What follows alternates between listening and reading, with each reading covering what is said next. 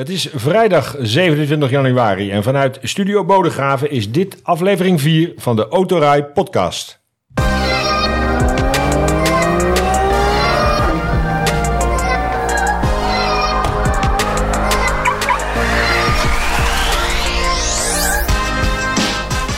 De Autorij Podcast is de talkshow over auto's, autonieuws, actualiteit, alles over auto's en mobiliteit. En direct of di indirect verbonden met auto's. En daar gaan we het over hebben met maar liefst drie mensen aan tafel. Deze week weer als vaste gast uh, van Leeuwen van de redactie van Autorij.nl. En naast hem zijn collega Wim Otten van dezelfde redactie. Die komen straks uitgebreid aan het woord. En we hebben zoals altijd ook weer een gast. Deze keer is dat Frits Morma. Van harte welkom Frits. Jij bent retail, marketing en communicatiemanager bij Total Energies. Helemaal ben, correct. Ben je dat al lang? Uh, vier jaar nu. Vier jaar. En jij gaat ons straks meenemen in de energietransitie bij uh, jullie mooie merk. Ja, daar waar vroeger een pompstation was, is het nu een servicestation. En daar gaan we eens even pra over praten. Ja, ja, daar, daar is uh, heel veel over te vertellen. We gaan eerst eventjes naar het uh, nieuws van uh, ja, de afgelopen week eigenlijk. En dan beginnen we bij jou, Nile. Want ja, we zitten aan het begin van een nieuw jaar. Dan kijken we altijd terug op het afgelopen jaar. Dat hebben we vorige keer gedaan met verkoopcijfers. Dat klopt. Maar wat voor een luisteraar ook altijd interessant is, is hoe veilig is je auto? En daarvoor hebben wij de Euro-NCAP statistieken. Ja, daar, daar weet jij alles van. Ja, Euro NCAP heeft uh, bekendgemaakt uh, uh, wat de veiligste auto's zijn die ze in 2022 getest hebben. nou ja, goed, wat je net zei. altijd die lijstjes, hè, het begin van het nieuwe jaar. Best verkochte auto's, meest verkochte elektrische, et cetera. Nou ja, nu is het wel grappig om even te kijken welke auto's hebben de hoogste veiligheidsscore behaald bij de Euro NCAP test. Nou, even voor de luisteraar die niet helemaal bekend is. Euro NCAP is zeg maar de Europese organisatie die de veiligheid van nieuwe auto's test. Dat doen ze op allerlei verschillende manieren. Er worden ook echt meerdere exemplaren van, van, van die auto echt gecrashed. Hè, er zitten dan van die testpoppen in en dan gaan ze het helemaal analyseren. En uh, nou, er wordt een bepaald aantal uh, punten aan zo'n auto gegeven. Nou, ze hebben dus voor 2022 hebben ze vijf categorieën en vijf auto's. Maar er zitten twee ontzettend opmerkelijke auto's tussen. Vertel. Die als, als veiligste uit de bus zijn gekomen. Want drie keer raden, de veiligste auto getest in de compacte klasse. Sorry ja. dat ik even moest lachen. Maar. Ja, vertel. Dat is dus de Ora Funky Cat. En wat is dat voor een auto? Dat zegt mij helemaal niks. ik zie jullie allemaal, mij allemaal uh, mij een beetje raar aan te kijken. En dat kan ik goed begrijpen. Het is een volledig nieuwe auto uit China. Kijk, uh, we hebben is... ooit een landwind gehad uit China, ja. jaren geleden. Ja. Dat heeft de reputatie van de Chinese merken geen, geen goed gedaan. Nee, zeker de, niet. Maar EV9. Ja. ja, maar deze wel. Nou ja, goed. Uh, ja, de Aura Funky Cat is uh, sinds kort te koop in Duitsland. Ik verwacht dat je uiteindelijk ook naar Nederland komt. Maar zo zie je maar weer dat er... Uh, ja, je verwacht dat het een automerk is wat gewoon bekend is. Wat iedereen al lang kent. Of een model, weet je wel, gerenommeerd Europees automerk. Maar ja, dat is in dit geval toch even anders. Want als we even gaan naar de categorie uh, large off-road, zoals die officieel heet. Maar het is dus gewoon een grote SUV-klasse. Nou, het is type auto waar ook in Nederland ontzettend veel van verkocht worden. Ja. Dat is de Way Coffee 01. Waarschijnlijk ook weer uit China? Ook ja? uit China. Maar serieus? Ja. Nee, maar ik zeg echt geen grap. En dus dat is een auto die dus de beste veiligheid, de hoogste score heeft behaald. Uh, en dus uh, het ook beter gedaan heeft dan allerlei echt gerenommeerde automerken uit diezelfde klasse. Nou, we hebben er allemaal nog nooit van gehoord. Uh, ook deze auto uh, verwacht ik dat hij uiteindelijk ook naar Nederland komt. En, um, en de andere drie klassen? Daar kom ik er ook bij. Dus de Hyundai Ioniq 6, de Tesla Model I en de Model S. Tesla met twee modellen bij de veiligste ja, auto's? Ja, zeker. In de uh, okay. zeg maar, compacte SUV-klasse de Model I als beste uit de bus gekomen. En de Tesla Model S in de executive-klasse. Maar de, van het hele rijtje is de Model S ook degene die uh, in zijn algemeenheid de hoogste score behaald heeft. Dus dat is ook gewoon de, de veiligste auto uit dit rijtje. En dat doen ze toch erg goed bij Tesla. Zijn die Chinezen ook elektrisch aangedreven? Ja, ze zijn allemaal elektrisch aangedreven. Dus al die Alle- auto's die ik net noem, zijn allemaal elektrisch. Behalve die Way Coffee, dat is een plug-in hybride. Dat is wel grappig trouwens, dat is namelijk een plug-in hybride met een actieradius van ruim 140 kilometer. En daarmee is het ook de plug-in hybride met de grootste elektrische actieradius in Europa. Nog even over die uh, Euro NCAP uh, uh, testcriteria. Die zijn in de loop der jaren behoorlijk aangepast. Hè. In, het, in het verleden was het zo dat als jij al een belletje had voor je veiligheidsriem, dan kreeg je alweer bijna een ster erbij. En we, het was vroeger met sterren, tegenwoordig is het met punten. Wordt het nog elk jaar bijgesteld, die regels? Nou, zeker. niet elk jaar, maar wel met enige regelmaat worden de, de testcriteria worden aangescherpt. Dus zoals een auto nu getest wordt, is, is ja, nog veel strenger dan bijvoorbeeld tien jaar geleden. Het is inderdaad een testprotocol met vijf sterren die worden toebedeeld aan de auto's. En dan uiteindelijk is vijf is het maximum wat je kunt halen, maar het is ook een aantal punten. Al die auto's hebben allemaal vijf sterren. maar dan als je gewoon binnen die vijf sterren categorie kijkt qua puntaantal, okay, dan kan je zeggen die is de beste en die is de tweede. Maar niets ten nadele van al die andere auto's die afgelopen jaar en in eerdere jaren getest zijn. Want kijk, je kan niet zeggen dat een auto niet onveilig is als die uh, vier of drie sterren behaald heeft. Zo zwart-wit moeten we het niet bekijken. Waar het vooral om gaat, is dat uh, Chinese automerken eigenlijk wel een, reputatie hadden dat ze heel erg onveilig waren. Nou, die Landwind, zoals je net zelf al noemde, uh, dat was uh, bijvoorbeeld in 2005. Dat was lang geleden. Die auto die viel echt compleet door de mand. Uh, ik had vanmiddag nog even het filmpje teruggekeken. Die auto die, ja, die er bleef niks van over. Compleet in de kreukels. die, die testpoppen, die moesten echt letterlijk gewoon in, in delen werden die uit die auto gehaald. Ja, levensgevaarlijk. Ja, ja. maar dat is het dus. Hè. Kijk, veiligheid is misschien niet echt een, een sexy onderwerp. Ehm, maar op het moment dat een auto dus niet veilig is, dat die echt door de mand valt tijdens zo'n test, dan, ja, dan duikt de media er echt op. Ja. En uh, dat gaat een beetje een eigen leven leiden. Deze auto werd ook een ja, doodskist op wielen genoemd. En dat heeft er gewoon mede voor gezorgd dat uh, Landwind, wat echt ambities had in Europa, dat is falikant mislukt. Dus ja, veiligheid uh, is toch best wel een belangrijk thema. Nou, als je dus nu ziet, 2022, twee merken uit China, die op de markt zijn gebracht door Great Wall Motors trouwens, dus wel een Chinese grootmacht. Maar ja, waar het uiteindelijk om gaat, is dat de Chinese merken gewoon enorme inhaalslag gemaakt hebben. En op het gebied van veiligheid gewoon ja, beter presteren dan de Europese merken. Welke auto rij jij, eh, Frits? Eh, rij je toevallig in een Chinees merk of niet? Nee, ik rij een Volvo. Oh, oh. elektrisch? Ja, een C40. Oh, oké. Ja, nou, dat is wel een veilige auto. Dus uh, nou, maar we komen er straks nog wel even op, uh, op jouw uh, auto en ook over de energie die, die, die erin gaat. nou, hebben we Euro en NCAP behandeld? Want jij, of heb je nog meer statistieken die interessant zijn voor de luisteraars? Of gaan we door naar Lightyear? We gaan door naar Lightyear, denk ik. Want ja, we hadden een, een mooi verhaal over Euro NCAP. Lightyear is dan weer een wat uh, triester verhaal. Uh, deze week groot in de krant. Um, de zonneauto van de toekomst. Maar heeft hij nog toekomst, uh, Wim? Want het gaat niet goed. Nee, het gaat niet goed. En als je dat... Je krijgt de ene dag het bericht dat de productie wordt opgestart in Finland. En een aantal dagen later is het faillissement aangevraagd en ook verkregen.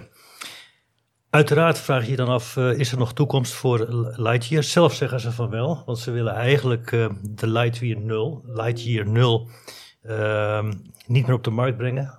Ehm, aanvankelijk was die te koop voor 120.000 euro. De prijs is gaandeweg gestegen naar 250.000 euro. Ze hebben zelf al beseft dat het een bijna onmogelijke missie was om die ehm, in grote getalen te gaan verkopen. Nu staat dus de Lightyear 2 nog steeds op de rol. Dat is een versie die, ze schatten zelf tussen de 40 en 50.000 euro gaat kosten. Daarvoor worden wel investeerders uh, gezocht en gevraagd. Um, in de tussentijd door het faillissement uh, gaan de, van de 600 medewerkers, ik meen 550, uh, ja. verdwijnen. Ja, ja. En blijft er een soort kernteam over van 50 mensen. Um, maar ik denk, als je kijkt naar de technologie in die auto, dat je met behulp van zonnepanelen op het dak uh, een behoorlijke actieradius kunt bereiken. Je kunt hem ook bijladen, dus stel dat er geen zon is, dan kun je dus wel blijven rijden. Maar die technologie die erin zit, is echt wel uniek, is wel bijzonder. En er zijn uh, ook uh, voorbeelden van, van andere zonneauto's die een technologie nu aan de man weten te brengen bij andere geïnteresseerders. En dat is bijvoorbeeld Sono Motors in Duitsland. Sono Motors heeft uh, bijvoorbeeld Scania, maar ook Mitsubishi Motors Europe als partner aan zich weten te binden, omdat die geïnteresseerd zijn in de technologie van de zonneauto. Ja, maar- deze kennis en kunde komt ook bij eh, studenten van de TU Eindhoven vandaan. Hè. Zij Klopt, waren ja. ooit dat Solar Team, wat won in, Ja. ik geloof in Australië, in 2013 eh, de eerste overwinning. Ja, Eh, dus zij hebben natuurlijk ook wel heel veel kennis en kunde. heel veel kennis en kunde. En ik denk ook wel een voorsprong op weten te bouwen met, op dat vlak. En Maar, maar, maar wat is nou de essentie dat ze het niet, eh, niet gaan redden? Want ze hebben, heb ik begrepen, voor die Lightyear 0 al heel veel eh, eh, mensen gehad die de auto op papier gekocht hebben. Dat geld hebben ze in kas, maar dat krijgen die mensen waarschijnlijk ook niet terug. En ook geen eh, Lightyear 0. Nee. nee.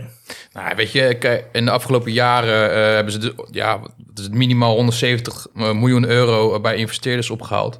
Maar om zo'n volledige productie echt in gang te zetten, eh, met alle ontwikkeling die, al, die ze al hebben moeten doen, ja, dat kost zo ontzettend veel geld. Zo ontzettend veel geld om dat echt eh, te kunnen doorbreken met een productieauto. Zeker eh, met een auto die, die 250.000 euro kost, die dus ook niet door ja, vele honderden mensen besteld wordt. En Nee. dus ja, dat is gewoon ontzettend moeilijk. Als je kijkt naar Tesla, die hebben gigantische miljardenverliezen eh, moeten leiden voordat ze een keer winst meer Ik heb begrepen, maken. 10, 10 tot 15 miljard eh, investeren aan, aan het begin, voordat de eerste Precies. auto van de band eh, rolde. Precies. Ja. Kijk, het is natuurlijk eeuwig zonde, want kijk, al die knappe koppen uit, uit Helmond, al die met die, met die ja, ingenieuze technologie, ja, het is gewoon super waardevol. En het zou natuurlijk echt ja, zonde zijn als, als dit nu stopt. Eh, alleen zij hebben die technologie geprobeerd in een auto te stoppen en dan ook echt eh, eh, als bedrijf te ontwikkelen als, als automerk, autofabrikant. Ja, dat, Ja. dat is gewoon ontzettend moeilijk. Maar die technologie, die hebben ze in huis. Dus ja, ik hoop echt dat ze daarmee in ieder geval verder kunnen. En net zoals Sono Motors uit Duitsland, dus een bedrijf uit München, dus eigenlijk heel veel parallellen. Precies hetzelfde. Die hebben ook zo'n zonne- zo'n auto ontwikkeld met zonnepanelen. Die wilden ook die auto in productie nemen. Hebben ook tientallen pre-orders binnen. Alleen ja, het echt op gang brengen van zo'n volledige productie. En dat lukte hun ook niet. En die zijn nu ook Ja, om, maar- om geld aan het vechten. En hetzelfde verhaal is met eh Lightyear. Als ze hun technologie eh, aan de man kunnen brengen via een ander merk. En dan ze even toch succesvol eh Maar daarmee moet worden. Lightyear niet gewoon eh, met VDL in eh Born in eh, Zee, om daar die auto te produceren? Dat zou een goede gedachte kunnen zijn, want VDL is sowieso al heel ver met het ontwikkelen ook van eh, elektrische aandrijving. Ook voor trucks en voor bussen. Ja. En eh, nou, laten we wel wezen, je kunt gewoon veel meer zonnepanelen kwijt op het dak van een bus of op het dak van een oplegger, zodat je natuurlijk ook veel meer energie kunt winnen. Dus het kan maar zo zijn dat het vanuit die hoek, vanuit de bedrijfsmatige hoek, de vervoershoek, belangstelling is voor deze technologie. Zeker weten. En, en VDL is natuurlijk een veel grotere en krachtigere eh, partner. En dan kijk ik even naar Tesla. Tesla heeft er ook heel lang over moeten doen om überhaupt iets te gaan verdienen. Er- Inderdaad, wat je al zei, miljarden zijn daar eh, eh, eerst al verloren gegaan. Je moet gewoon inderdaad een hele sterke partner weten te vinden die vertrouwen heeft in jouw eh, technologie. Die bereid is om te blijven investeren in verdere ontwikkeling. En dan zie ik wel een toekomst nog voor Lightyear. En dan zie ik ook nog ooit wel die Lightyear 2 op de markt komen. Oké. Dat is mijn inschatting. Nou, op een goede zonnige dag kun je dus met zo'n Lightyear Zero... eh, met die zonnepanelen die eh, op die auto zitten... dus ongeveer 70, ki- 70 kilometer aan eh, ja, gratis actieradius winnen. Nou, kun je nagaan als het volledige dak van een grote stadsbus... met die technologie bedekt is... Ja, dat, het valt natuurlijk veel meer uit te Ja. halen. En op een, op een goede zonnige dag... dan kun je dus gewoon ontzettend veel elektrische kilometers rijden... zonder dat je zo'n auto bij een laadpunt hoeft op te laden. En daar zit de echte winst. En bovendien zal het zijn dat in de toekomst de techniek met die zonnepanelen ook verbetert, waardoor een kleiner paneel meer op Zeker zal brengen. weten. Ja. En Ja. dat heeft ook wat tijd nodig. Dat is de afgelopen jaren al gebleken dat Ja. dat werkt. Maar goed, Lightyear is natuurlijk een Nederlands bedrijf. eh, komt nu al erg dichtbij. eh, we waren erg enthousiast. Heeft veel aandacht gekregen in de media afgelopen tijd. En dat is natuurlijk in die zin ook zonde dat het, eh, dat het nu op deze manier gaat. Ja. Vandaar dat we dit onderwerp toch wel even wilden aansnijden. Ja, nee, terecht. Ja. We zullen het zien, want eh, we gaan nu eerst maar eens even weer eh, naar buiten. We gaan in onze uitzending altijd weer even naar buiten. En eh, dat doen we vaak met eh, Bar- Bart Oostvogels, hoofdredacteur van Autorij.nl. En hij is altijd onderweg. En eh, nu is hij weer, onder, weer onderweg in een spectaculaire auto. Yes, en we zijn onderweg in de Tesla Model X Plaid. En zijn jullie er klaar voor? Want dan gaan we dan van 0 naar 100 in 2,6 seconden.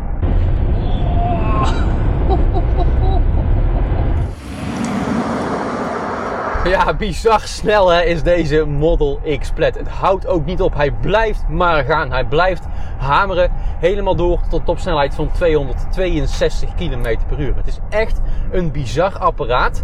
En als je dan even bedenkt dat deze auto ongeveer 2550 kilogram weegt, rijklaar. Nog zonder passagiers erin eigenlijk.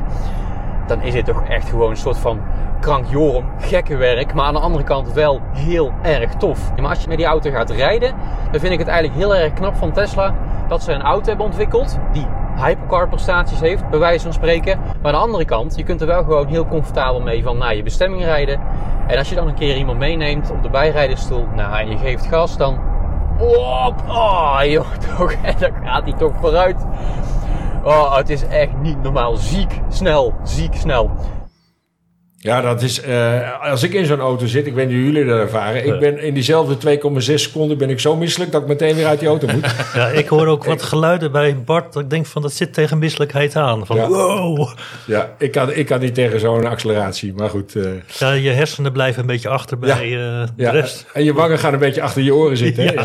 Ja. Maar een mooi verhaal weer van Bart. Ehm, we maken even een sprongetje naar tijdperken in, in, in, in de autojaren die we hebben. Want we hebben MPV's gehad, we hebben stationcars gehad eh, en we hebben een SUV-tijdperk waar we nu middenin zitten. Maar er is een hele grote baas van eh, Citroën, meneer Vincent Kobe. En die voorspelt dat dat afgelopen is, eh Nile. Geen SUV's meer over een paar jaar? Nee, nou, ik denk over een paar jaar, dat is misschien nog te vroeg. Maar de essentie van, of zeg maar de achterliggende gedachte, ja, dat snap ik wel. Kijk, we hebben natuurlijk in de afgelopen eh, jaren gezien dat de SUV steeds populairder werd. Is inmiddels ja, zo ongeveer de helft van de totale nieuwverkoop in Europa is een SUV. eh, van, variërend van groot tot klein, maar in ieder geval een type SUV. Wat is een SUV eigenlijk? Weten alle luisteraars dat? Nou ja, het is in ieder geval een au- auto die eh, behoorlijk hoog is. eh, staat veel hoger op zijn wielen. Eh, hoge daklijn. Maar die auto's zijn over het algemeen dus ook zwaarder. Die hebben een veel groter eh, frontoppervlak. En waar het op neerkomt is dat een SUV gewoon meer energie verbruikt. Ten opzichte van een compactere auto. SUV staat nog even voor, de, voor Sports Utility Vehicle. Hè? Dat is goed Nederlands. Ja. Ja. Ja. Maar omdat die auto's dus zo populair geworden zijn, eh, bijna iedereen wil een SUV. Maar ja, die verbruikt gewoon meer energie. Of het nou brandstof is of, of stroom. Nou, de afgelopen jaren heb je dus eh, door de eh, super stijgende verkoop van SUV's... zag je dus dat de gemiddelde CO2-uitstoot van nieuwe auto's in Nederland nam gewoon toe. Terwijl hè, na, na jaren van daling, omdat motoren steeds schoner worden, eh, ook eh, komen steeds meer hybride auto's, elektrische auto's op de markt. Dus je verwacht dat, die, dat het gemiddelde ook daalt. Alleen Ja. omdat er steeds meer onzuinigere auto's verkocht werden, eh, nam dat juist toe. Nou, nu zitten we in een tijdperk waarin alles elektrisch wordt. Maar ook een elektrische SUV, ja, eh, verbruikt gewoon heel veel stroom. Weet je, die Tesla waar Bart dus net in reed, natuurlijk op het moment dat hij accelereert van 0 naar 100 in eh 2, zoveel seconden. Nou, dan ben ik best wel nieuwsgierig in hoeveel energie er in die 2, eh, nog wat seconden verbruikt is. Dat is ontzettend veel. Nou, als je ziet dat ontzettend veel accu, een ontzettend groot accupakket nodig is om zo'n grote SUV een paar honderd kilometer te kunnen laten rijden. Ja, mensen willen steeds verder rijden, dus die batterij moet nog groter. Die batterij is nog zwaarder. Nou, dan wordt die auto weer groter, eh, maar daardoor gaat die auto meer verbruiken. Vervolgens moet, die Meer- moet het pakket weer groter. Waar houdt het op? En meer bandenslijtage, meer fijnstof Precies. bij de remmen. Precies. Dat, dat, dat telt ook heel erg mee. Hè? Dat is dan even afgezien van die CO2. Is dat ook een Ja. vorm van vervuiling waar vaak niet naar gekeken wordt bij elektrische auto's? Ik eh, doe me denken aan BMW toen die de i3 op de markt brachten. Die hadden inderdaad ook duidelijk de filosofie. Wij maken eh, de structuur van carbon, van koolstofvezel. En verder maken we ook gebruik van aluminium als een soort eh, frame, hè, als een Ja. ruggengraat. Waarom? Om hem zo licht mogelijk te krijgen. Dan heb je ook een lichtere batterij nodig. En dan heb je dus minder energie nodig om op te trekken, op te verplaatsen. Dus het is eigenlijk een soort win-win situatie die je dan creëert. En nu zie je het tegenovergestelde bij die SUV's, die met hun rijbereik steeds verder moeten kunnen komen. Steeds grotere batterij. Die bodemplaat moet maximaal benut worden om die dikke batterij erin te krijgen. Die auto wordt daardoor hoger. Maar dat is dan ook wel grappig dat die Citroën-baas dus zegt van, zijn wij niet op de verkeerde weg bezig? Ja, Dat- maar hij zegt dat de SUV's gaan verdwijnen. Maar voorspelt hij dan ook wat daarvoor in de plaats komt? Nog niet. Maar hij, hij kaart dus wel het punt aan dat die auto's ook steeds zwaarder worden. Dat je misschien daar niet heel verstandig aan doet. Je, je creëert ook, je schiet een beetje in je eigen voet als, eh, als klant. Dat, je, ja, je maakt die auto zwaar, maar je moet dus langer laden, je moet langer wachten. Nou, ik, ik zie hier iemand knikken eh, van Total Energies. Ja, Frits? Ja, nou ja, kijk, het heeft denk ik ook met ontwikkeling te maken. Als je naar de accu's van nu kijkt, eh, dan zijn die al heel anders dan tien jaar geleden. En als je eh, over tien jaar kijkt, zullen die accu's ook weer anders zijn. Ik moet zeggen dat ik een SUV uit, eh, uit perfect vind, want ik vind een lekkere hoge instap.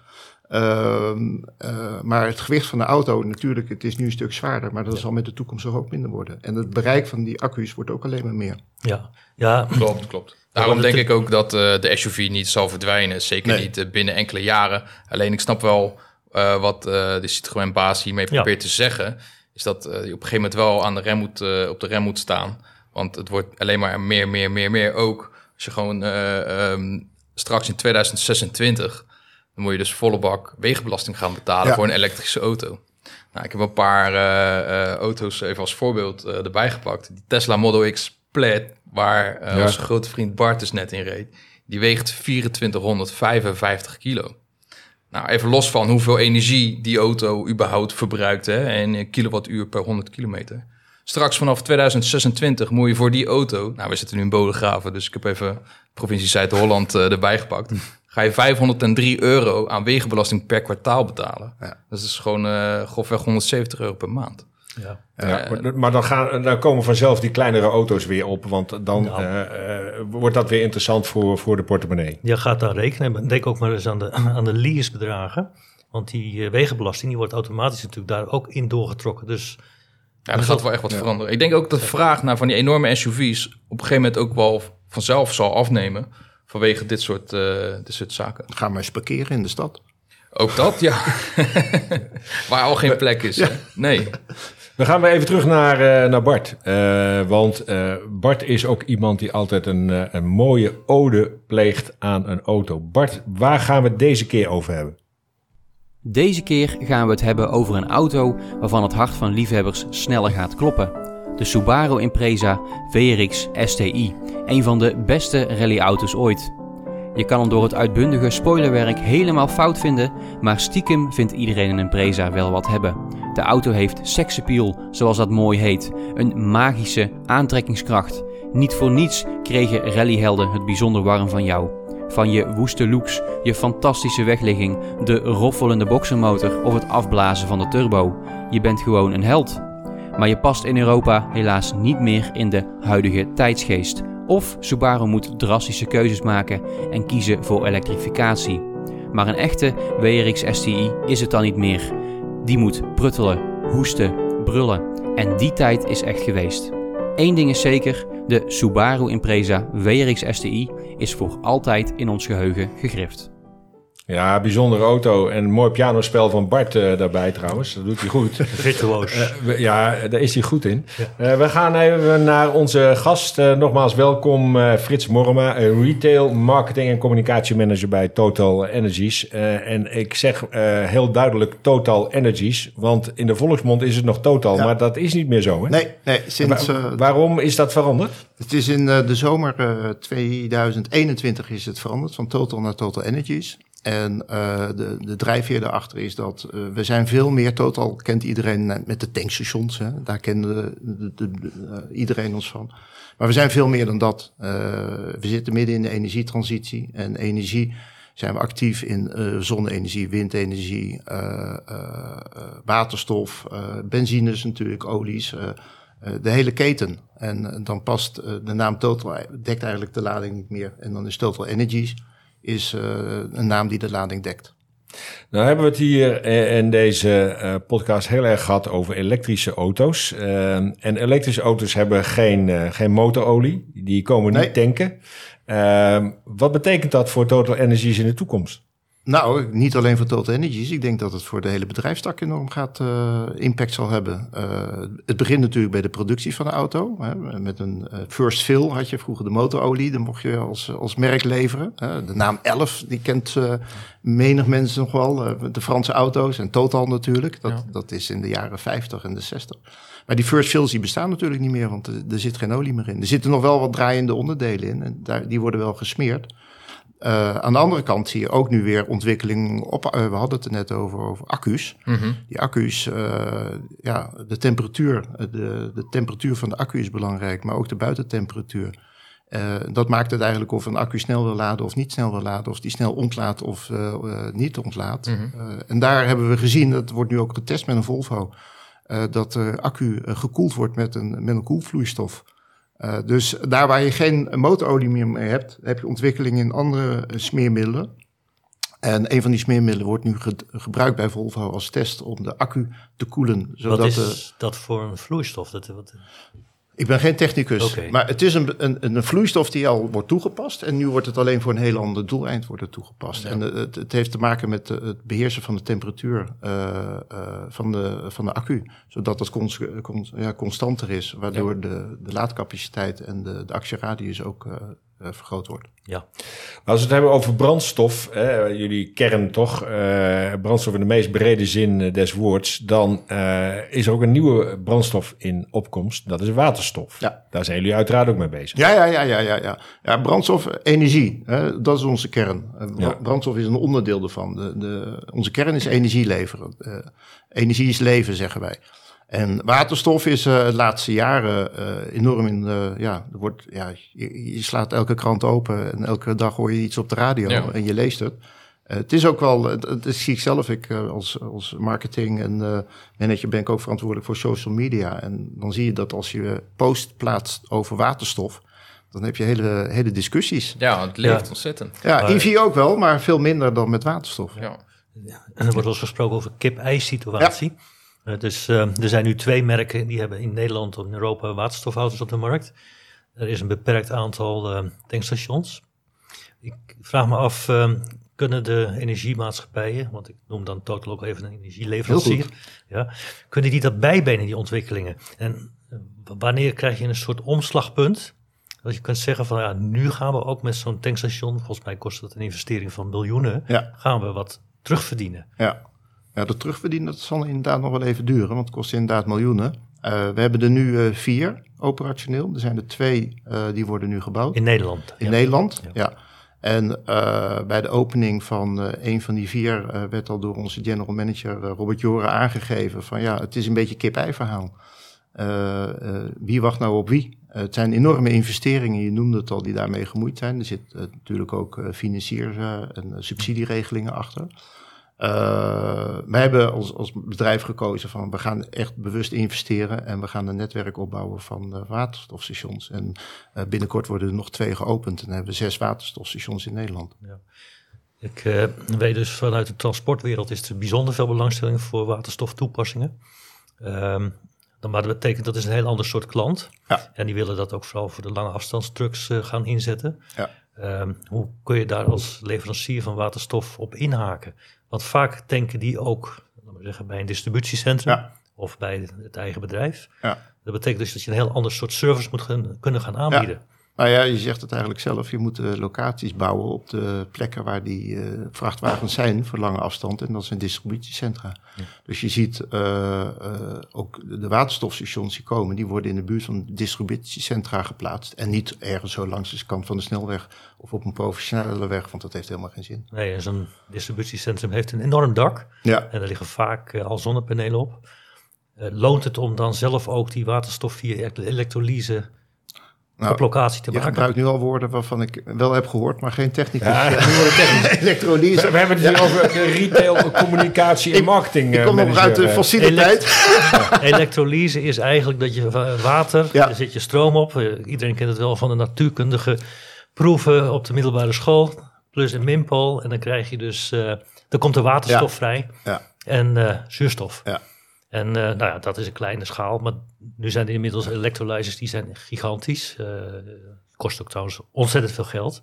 En energie. en energie. Ja, op de waterstofstations die wij hebben, dat werkt met cilinders die worden aangevoerd. Ja. En een soort cassettes zijn het. En die worden aangevoerd en die uh, worden omgewisseld. Dus ja. de lege cilinders gaan mee en de volle cilinders blijven achter. Ik, ik heb nog een, een, andere vraag, even afgezien van die waterstof. We hebben een uh, rijdend uh, wagenpark uh, met auto's die allemaal op benzine en diesel rijden. Ik ben zelf nog van de klassiekertjes. En die auto's die willen allemaal blijven rijden. Ja. En op een gegeven moment is er geen benzine en diesel meer. En is men al druk bezig met zogenaamde e-fuels. Ja. Hè, de, de, de, de, E is dan de Engelse E. Um, hoe ver is Total Energies daarmee? Ja. nou, een voorbeeld is bijvoorbeeld de Le, Le Mans. De race van Le Mans wordt, uh, werd altijd met fossiele brandstof van Total Energies gereden, maar dat is nu ook uh, e-fuel. En e-fuel, even voor de luisteraar, is een synthetische brandstof. Ja, synthetisch. Dus dat is een geproduceerde ja. brandstof.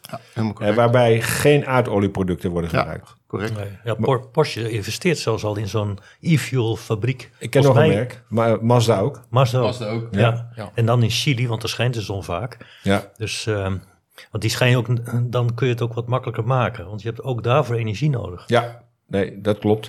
Uh, maar um, uh, het, het, is een heel mooie oplossing voor het rijdende wagenpark en voor met name klassieke auto's. Dat is natuurlijk een beperkt gebied.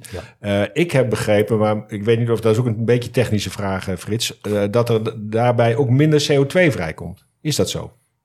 Bij die verbranding, weet je dat of niet? Nee, dat kan ik weet wel dat voor het maken van e-fuel kun je CO2 gebruiken. Ja, dat, dat wordt uit de lucht gehaald. Dat wordt uit de lucht ja. gehaald. Dus in die zin heeft het ook nog een bijdrage aan de vermindering van de klimaatopwarming. Het is een manier om dus een stukje CO2 weer een soort van te hergebruiken. Ja, ja dat is absoluut waar. Even kijken, het is een ontzettend uh, veelbelovende technologie voor de toekomst. E-fuel uh, qua, qua CO2-uitstoot tijdens de uh, als resultaat van de verbranding in de verbrandingsmotor is zeer weinig uh, of nihil. Nou, als e-fuels ook uh, op een groene manier geproduceerd wordt, dus met groene stroom van windmolens en dergelijke, dan kun je wel, wel degelijk spreken dat het echt gewoon zeer CO2-vriendelijk is. Nou, als je bestaande wagenpark met e-fuels kunt tanken, ja, dan ben je echt heel ver met het reduceren van de, van de CO2-uitstoot. Kijk, nu heb je natuurlijk heel erg focus op elektrisch.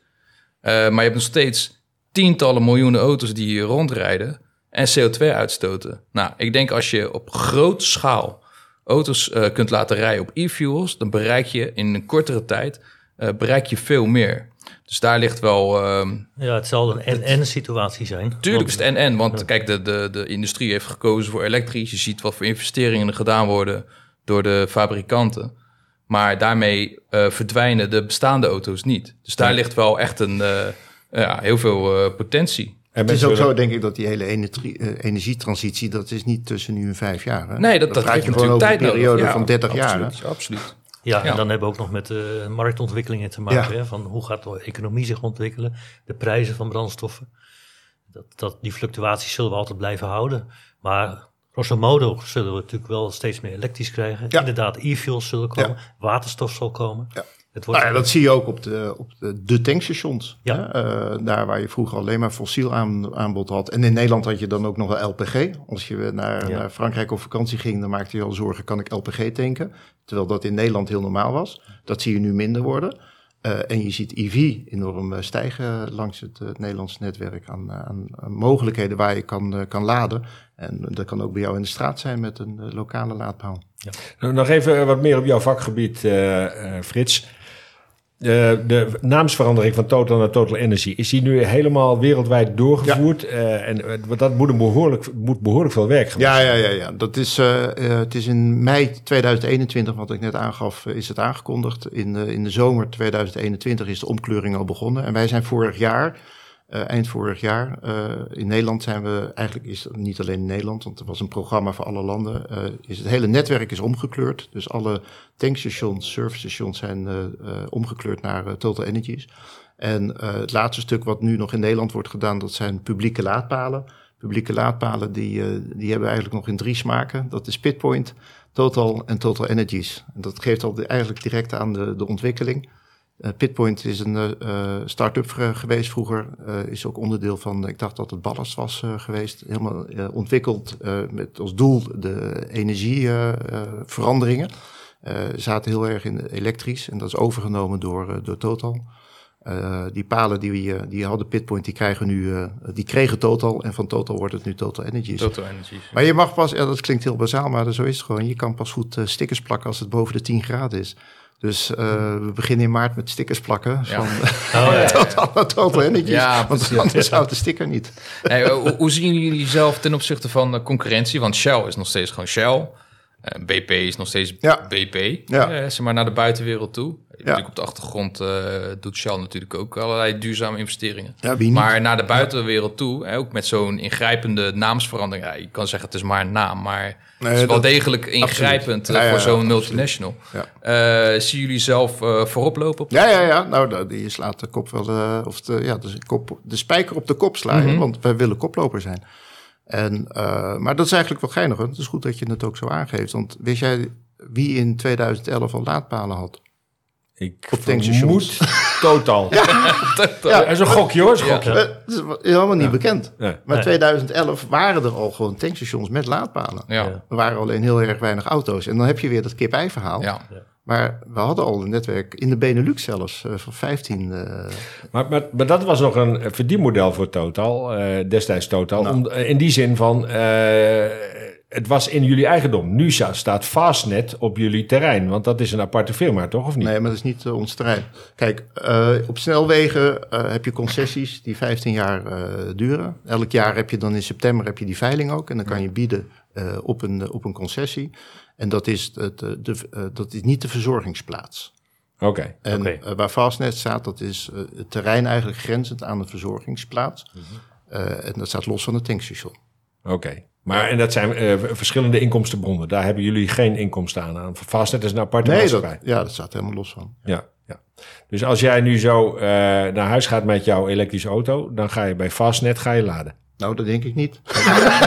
Waarom zou ik? Denk ik niet. Want als ik eentje eerder naar links ga, Ja, dan, laat ik gewoon bij Total Energy. Oh, dat kan ook.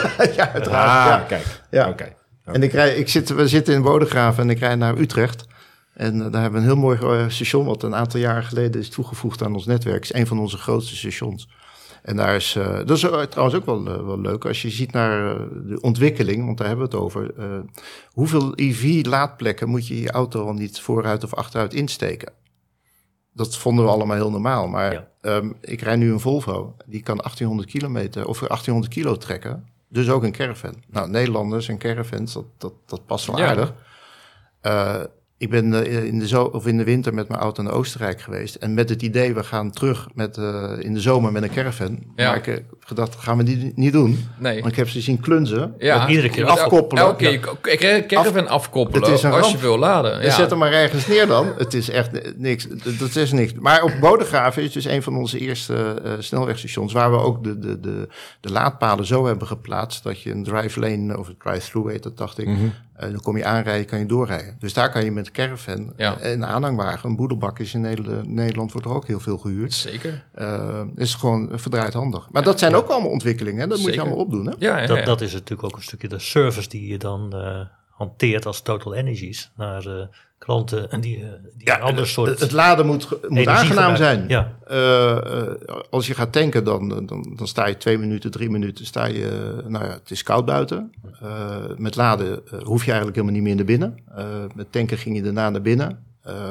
Nu moet het, en dat is natuurlijk een uitdaging voor ons, om de laders naar binnen te krijgen. Ja. Eh, niet alleen in een auto, eh, dat is natuurlijk leuk, maar ik heb liever dat ze met koffie in de auto zitten. Voor dat lekkere broodje waar Ja. je het net over Ja. had in de voorbespreking. Ja. Ja, ja, ja. ja. Ja. dat is, is de gedachte, hè, nu eh, we het over hebben. Eh, is het ook mogelijk dat jullie straks als bij Total Energies bij de verzorgingsplaatsen werkruimtes gaan eh, creëren? Waar mensen gewoon een computer uit open kunnen klappen en tijdens het eh, laden die tijd Oh ja, laten. maar kijk maar naar een, de, de insteek van een, van een shop. Waar, waar, je- waar je vroeger de, de rangetjes en de pepermuntjes en je tabak eh, kocht. Dat, dat, dat is een heel voetaanbod geworden. Eh, daar kan je lekker even ontspannen. Ik weet niet wanneer jullie voor het laatst eh, een plasje gedaan hebben op een tankstation. Maar twintig jaar geleden had je daar een bepaald idee bij. Waarvan je dacht, nou thuis is het altijd het beste. Nou, ga naar een servicestation uh, van een gewoon renommeerd merk. Uh, mm. Het is gewoon top. Het is gewoon perfect. Ja. Ja. We gaan het uh, afronden, Frits, want we zijn een beetje aan het einde van deze podcast uh, gekomen. Dankjewel voor je komst en je uitgebreide uitleg. Heel veel succes bij Total Energies en de transitie die het gaat doormaken in de komende decennia. Ehm, we hebben nog een laatste onderwerp, dat is de 30 seconds, zoals dat zo mooi heet in het Nederlands. dan mag de luisteraar raden om welke auto het gaat. Kevin Hemmer is redactielid van Autorij.nl en hij vertelt iets over een auto zonder het merk te noemen, het model of land van herkomst. Ik ben gebaseerd op een model die in de smaak viel bij Elvis. Je kunt me zien als youngtimer, maar ik ben sinds mijn lancering eigenlijk altijd al een klassieker geweest. Over mijn looks hoor je niemand klagen, maar ik rij minder sportief dan ik eruit zie. Ik heb plek voor twee, heb twee nieren en één hart. Maar wel een hart met acht cilinders, die ook in een dikke sportieve sedan ligt van hetzelfde merk. Ik blijf stijgen in waarde en dat terwijl ik dakloos ben. Op het witte doek ben ik twee keer de helft, maar voor de wereld niet genoeg. Ra, ra, om welke auto gaat het hier? Ik zie uh, toch wel wat uh, herkenning.